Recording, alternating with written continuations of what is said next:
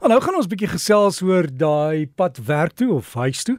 Wanneer jy die lang pad slaan, dis besig, jy ry jou spoed en jy stop by elke verkeerslig. Ons spaar mos nie brandstof nie of doen ons? Ek weet nie. Dr. Roan Stein van Noordwes Universiteit het die inligting, hy het bietjie navorsing gedoen. Hallo Roan. Goeiemôre Derek, ja, en goeiemôre aan ons luisteraars. Ja, Derek, presies soos wat jy daar sê, mense wonder baie keer of jy nou uh, spaar ons nou werklik brandstof of nie wanneer al hierdie verkeersligte nie gesinkroniseer is nie. Maar dit is juis waaroor ons vanoggend gaan praat, Derek. Ehm um, jy jy het my nog laasweek hierdie idee gegee en hierdie onderwerp het nogal vasgesit binne in my kop die afgelope week en ek het toe nou gaan oplees en met 'n paar mense gaan praat wat uh, wat help om uh verkeersligte te sinkroniseer en dit is inderdaad verstommend om te sien watter wesentlike verskil uh dit werklik uh, maak um, as 'n mens dan nou uh sou gebruik maak van van hierdie van hierdie verkeersligte wat gesinkroniseer is. Nou, Derek, ons almal het al in die verkeer vasgesit en daar is daar min dinge wat 'n mens so kan frustreer wanneer 'n mens tyd mors binne in die verkeer.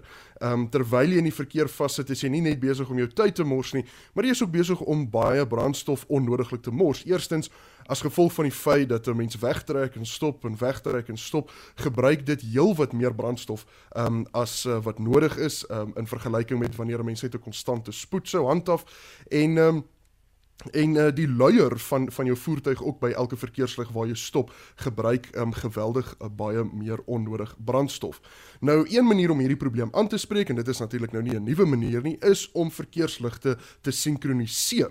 En die idee agter die gesinkroniseerde verkeersligte is ehm um, dat as jy die uh, spoedgrens sou handhaaf, dan uh, sal jy die meeste van die verkeersligte in 'n sekere rigting dan nou groen vang. Ehm um, en wat beteken dat jy mors baie minder minder tyd en jy mors baie minder brandstof. En dit is eintlik nogal snaaks om so daaroor te dink Derek is dat uh uh hoe minder rooi verkeersligte jy kry op jou pad, uh hoe meer groen is jou is jou rit op pad werk toe, nie net met groen ligte nie, maar wel groen in terme van omgewingsvriendelikheid. So kom ons kyk nou hoeveel brandstof en hoeveel kweekhuisgasse kan die natuur gespaar word deur net gesinkroniseerde verkeersligte te hê. Nou daar is wêreldwyd 'n hele paar van hierdie studies gedoen um, om hierdie te meet en die een studie het gewys uh, dat mense in 2020 Nou net voor ek daai uh, data uh, deurgee is dat uh, mense moet onthou dat enige data wat met verkeersvloei te doen het van 2020 moet mense met 'n knippie sout vat. Um, dit is nie die norm nie, dit is is uh, min of meer wanneer die pandemie begin het en dit het 'n uh, baie groot invloed op verkeersvloei data. Maar in 2020 wys hierdie studie dat mense het 27 ure ekstra in die verkeer vasgesit. Um en die jaar net voor dit in 2019 het hulle amper dubbel dit 54 ure ekstra van hulle lewe verloor deur net in die verkeer vas te sit. Nou uh, 'n uh, ander studie het 'n uh, soortgelyke soortgelyke studie het gewys dat um 'n uh, 'n uh, elke 'n uh, huisgesin uh spandeer omtrent 5 tanks ekstra petrol per jaar per huisgesin um, aan aan uh, deur net in die verkeer vas te sit en as mense nou die huidige brandstofprys in ag neem, is dit 'n enorme hoeveelheid geld wat net gemors word by verkeersligte.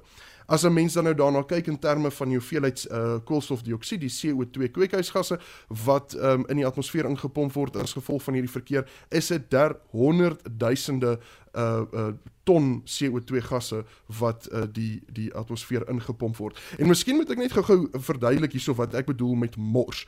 Um as jy 'n 60 as jou voertuig 'n 60 liter uh brandstof tank het, gaan hy ek soveel uit CO2 emissie um in die in die atmosfeer vrylaat. Ek bedoel dis dit's 'n feit soos 'n koei. Wat 'n mens eintlik hier wil doen is jy wil net soveel as moontlik myle vir daai CO2 emissie hê. Jy wil so ver as moontlik kom met daai 60 liter. Um en dit is nou waar 'n mens dan nou uh, diferensieer tussen uh wat gemors is en uh wat wat dan nou tegnies nie gemors is nie. Nou een manier wat gebruik word uh soos ons nou vroeër genoem het, um is om die verkeersligte uh te sinkroniseer en uh, die studies het gewys dat uh dit sny omtrent 'n motor se tyd op die pad met 25%.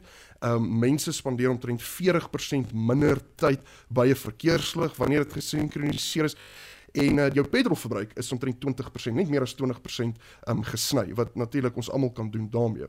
Nou ons moet in ag neem dat hierdie studies is nou op verskillende plekke in die wêreld gedoen met vers, verskillende verkeersvloei um uh, plekke en verskillende voertuie um ensovoorts, maar wat dit wel vir ons wys is dat daar kan wesenlik gespaar word as ons uh gesinkroniseerde verkeersligte het. Nou Derek, daar is baie meer hierso wat ek nou gaan verduidelik en nou TV-aanbieders wat uh, wat altyd sê but wait there is more want daar is baie meer wat kan gedoen word en dit is nou waar ons moet begin praat oor slim verkeersligte.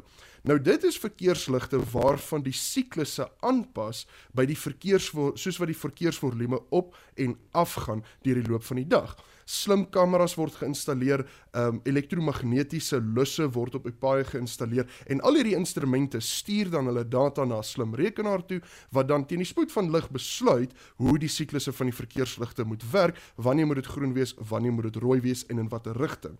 Nou daar's 'n baie soortgelyke stelsel in Stellenbosch geïnstalleer uh, wat uh, deur 'n projek wat deur die uh, Stellenbosch Universiteit geloods is, um wat uh, wat slim verkeersligte opgerig het op die R44 wat uh, daardie besige pad is wat deur Stellenbosch loop. En 'n mens sal eintlik graag wil sien dat hierdie tipe tegnologie uh, meer en meer opgerig word en ek wil graag vir jou vra uh, daar by die huis as jy weet as daar dalk miskien slim verkeersligte in jou dorp of stad is, stuur asseblief ons 'n Facebook boodskap dat ek dit uh, met ons uh, luisteraars kan deel.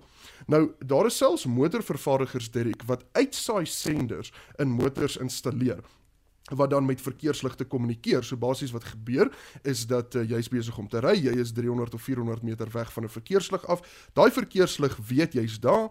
Uh, die verkeerslig weet hoe vinnig jy ry, hy weet um, hoe lank jy gaan neem om by hom uit te kom en dan besluit die verkeerslig in terme van die van die van die loodregte uh, uh, verkeersvloei of hy vir jou gaan wag, gaan hy is dit die moeite werd om hom groen te hou vir jou of gaan hy jou maak stop.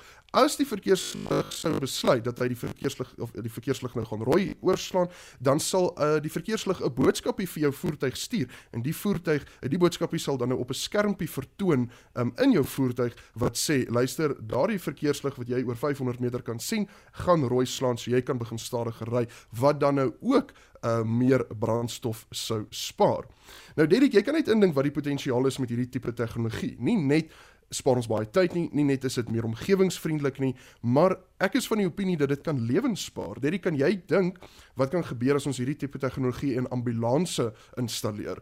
Dit beteken dat uh, uh, as daai uitsaai sender wat in die ambulans is, um sal dan met die slim verkeersligte kan kommunikeer en dan uh, kan kan die mense stelsel installeer wat sê dat uh dat van die huidige tussen die huidige posisie van die ambulans en die hospitaal moet al die verkeersligte groen wees um teen die tyd wat die ambulans deur daardie interseksie gaan. En 'n mens kan nou dink dat die die stelsel sal effens omgekrap wees daarna want hy het nou kunsmatig die die die die ehm um, uh die verkeerslig groen gemaak vir vir die ambulans, maar omdat dit 'n slim stelsel is, sal hy binne sekondes weer kan terugkeer na normaal toe en die verkeersvloei sal loop um soos wat dit moet. So daar is vreeslik baie potensiaal vir hierdie tipe tegnologie. Dit is nie moeilike tegnologie nie. En ons het al mense op die maan 50, 60 jaar terug gesit om hierdie tipe tegnologie te installeer is nie soos hulle sê in Engels sê rocket science nie.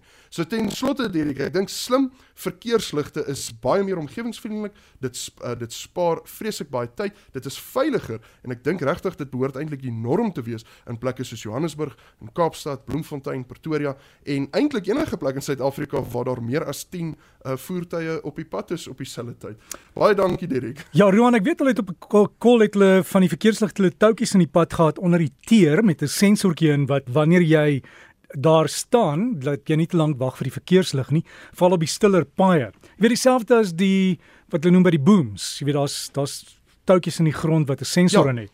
En as jy daarby kom, dan weet dit om weer toe te gaan. Ja ja, inderdaad. Ja. En ek weet nie of hulle dit nog gebruik hier by uh, ons. Ja, inderdaad. Daai daai tipe tegnologie Ja ja, daai daai tipe tegnologie werk. Dit is daai elektromagnetiese lusse wat hulle hmm. ehm hmm. um, wat hulle uh, wat hulle sit so dan dan tel hy nou die voertuig op. Uh een effense probleem met daai tipe tegnologie is nommer 1 dit moet net werk. Uh, ek dink baie van dit is geïnstalleer uh heel wat lank terug en dit is nie in stand gehou nie, so dit werk nie meer nie. Die ander ding is dat um, ek het nou onlangs begin motorfietsry en ek het uh, nou die dag vir die eerste keer het ek vir seker 7 minute by 'n by 'n verkeerslig vasgesit en ek kon nie verstaan hoekom hierdie verkeerslig nie wil oorslaan nie. En toe kyk ek so af en toe sien ek maar hierdie uh magnetiese lus, elektromagnetiese lus is nie besig om die motorfiets op te tel nie. En toe wys ek vir die ou agter my, hy moet net so klein bietjie vorentoe ry dat ons hierdie dat ons hierdie verkeerslig kan oorslaan. O, so, so jy het nou geleer uh, motorfiets ry of jy leer nog, so het jy een van daai kantwielietjies op die motorfiets? Nee nee, ek het ek het darm ek het darm so na 'n week se ry kon ek my kantwielietjies maar afhaal. Stel jou voor, Roan, alles van die beste. Baie dankie Derek, uh, dankie en 'n heerlike naweek vir jou verder. En so gesels ons dan met Roan Stein van Noordwes Universiteit. Onthou die Facebook bladsy se omgewingspraatjies. Gaan sluit aan, kry die inligting en ons hoop dat jou verkeersligte werk almal saam. Volgende keer